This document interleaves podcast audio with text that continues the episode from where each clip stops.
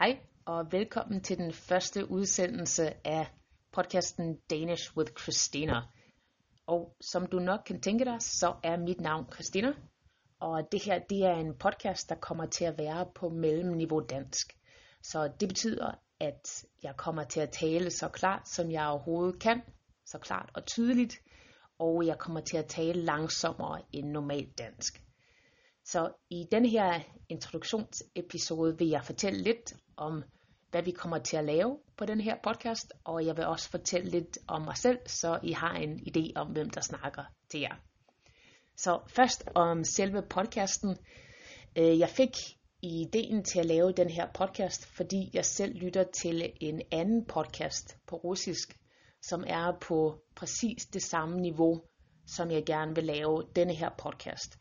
Så den er på et mellemniveau, hvor ham, der laver podcasten, han taler relativt langsomt, han taler tydeligt, men han taler om alle mulige forskellige interessante ting, som overhovedet ikke har noget at gøre med de normale lærebøger eller tekstbøger, som man ser på et normalt dansk kursus. Så umiddelbart er hans podcast utrolig interessant at lytte til, fordi de er sjove og de er spændende, og samtidig så er det et forståeligt russisk, han taler på. Og øh, det er så det, som jeg vil prøve at gøre på dansk, øh, for at give det videre. Godt. Det, som jeg kan love jer på den her podcast, det er, at det ikke kommer til at være kedeligt.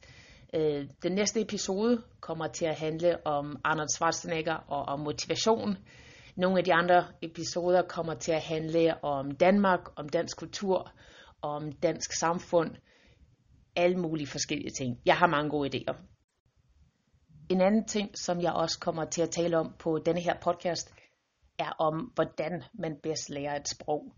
Og øh, for at starte på det tema ganske kort, så mener jeg, at øh, det dels afhænger af personen selv, men det afhænger også i stor grad af alderen på personen. Så selv der lærte jeg engelsk som barn, fordi jeg boede i USA med mine forældre, og jeg var syv år, da jeg lærte engelsk. Og øh, jeg kan sige, at øh, det var utrolig nemt at lære et sprog i den alder. Øh, det kom egentlig bare ganske af sig selv. Man kan sige, at øh, børn de lærer sprog lidt ligesom en svamp. At de egentlig bare suger alting til sig, ligesom en svamp gør. Jeg vil tro, at jeg blev flydende til engelsk på cirka nok under et år, da jeg var syv år gammel.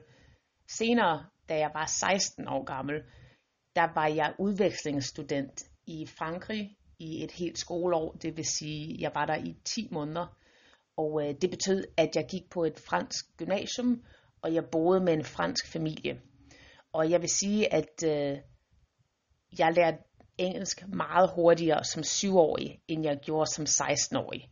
Og det var på trods af, at jeg som syvårig boede med, danske, med min danske familie og talte dansk hver dag efter skole, mens jeg som 16-årig kun talte og hørte fransk hele tiden. Også fordi på det tidspunkt var der ikke noget internet. Så den, det eneste tidspunkt, jeg talte dansk på, det var en gang om ugen, når jeg ringede hjem. Så allerede der var der en kæmpe forskel på at lære et sprog som 7-årig og som 16-årig.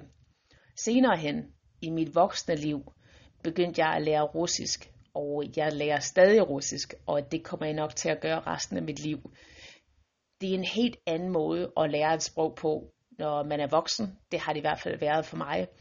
Øh, jeg har ikke længere den samme opfattelse af, at jeg bare kan lytte til noget, og så kan jeg sige det igen. Øh, jeg kan bruge de samme ordkonstruktioner en uge senere. Det virker ikke på den måde mere.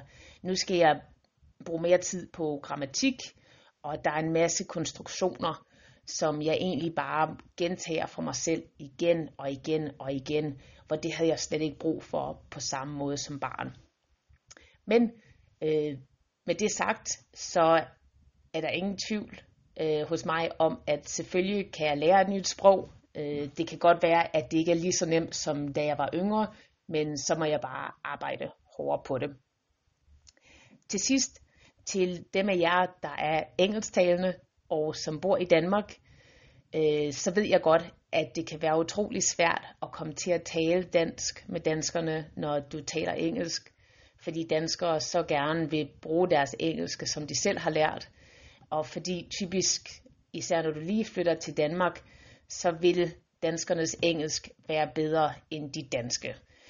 Øh, derfor kan det være utrolig svært at komme i gang med at tale dansk, når du har engelsk som mit bedste råd er, at du insisterer på at tale dansk, selvom jeg godt ved, det kan være rigtig, rigtig svært. I en af de næste episoder kommer jeg til at have en podcast om, hvordan man kan blive bedre til at tale dansk, eller faktisk hvilket som helst sprog, selvom du ikke har nogen at tale med. Og det kan godt lade sig gøre. Så det var alt for nu. Jeg håber, at I vil følge med på den her podcast, og hvis I har nogle temaer, det kan være hvad som helst, som I gerne vil have, jeg taler om, så er I meget velkomne til at sende mig en e-mail eller til at skrive en kommentar. Min e-mail det er danishwithchristina at gmail.com Så danishwithchristina snabelag gmail.com Mit navn Christina staves med C-H-R og det er også i titlen på den her podcast, så I burde kunne finde det. Vi snakkes ved. Hej hej.